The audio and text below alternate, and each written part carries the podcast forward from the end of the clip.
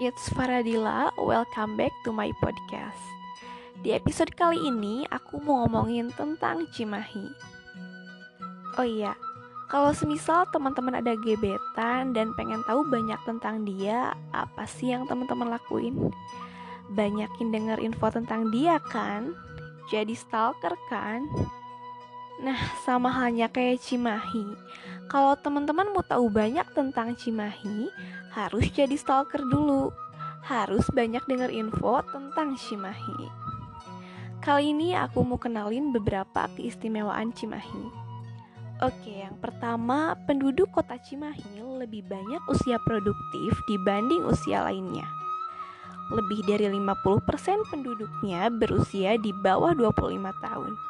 Jadi buat teman-teman yang masih jomblo nggak usah khawatir. Yang kedua, Cimahi terkenal karena basis pangkalan militernya yang besar. Yang ketiga, di Cimahi juga nggak ada lampu merah kayak di kota-kota besar yang fungsinya mengatur arus lalu lintas loh. Meskipun begitu, tetap Cimahi nggak pernah semacet kota-kota itu. Yang keempat, di tengah gempuran fenomena urban yang sporadis, ada satu prasasti budaya di jantung kota ini. Ya, Kampung Adat Cirende. Masyarakatnya masih melestarikan budaya nenek moyang. Keren gak? Keren gak? Keren lah, masa enggak?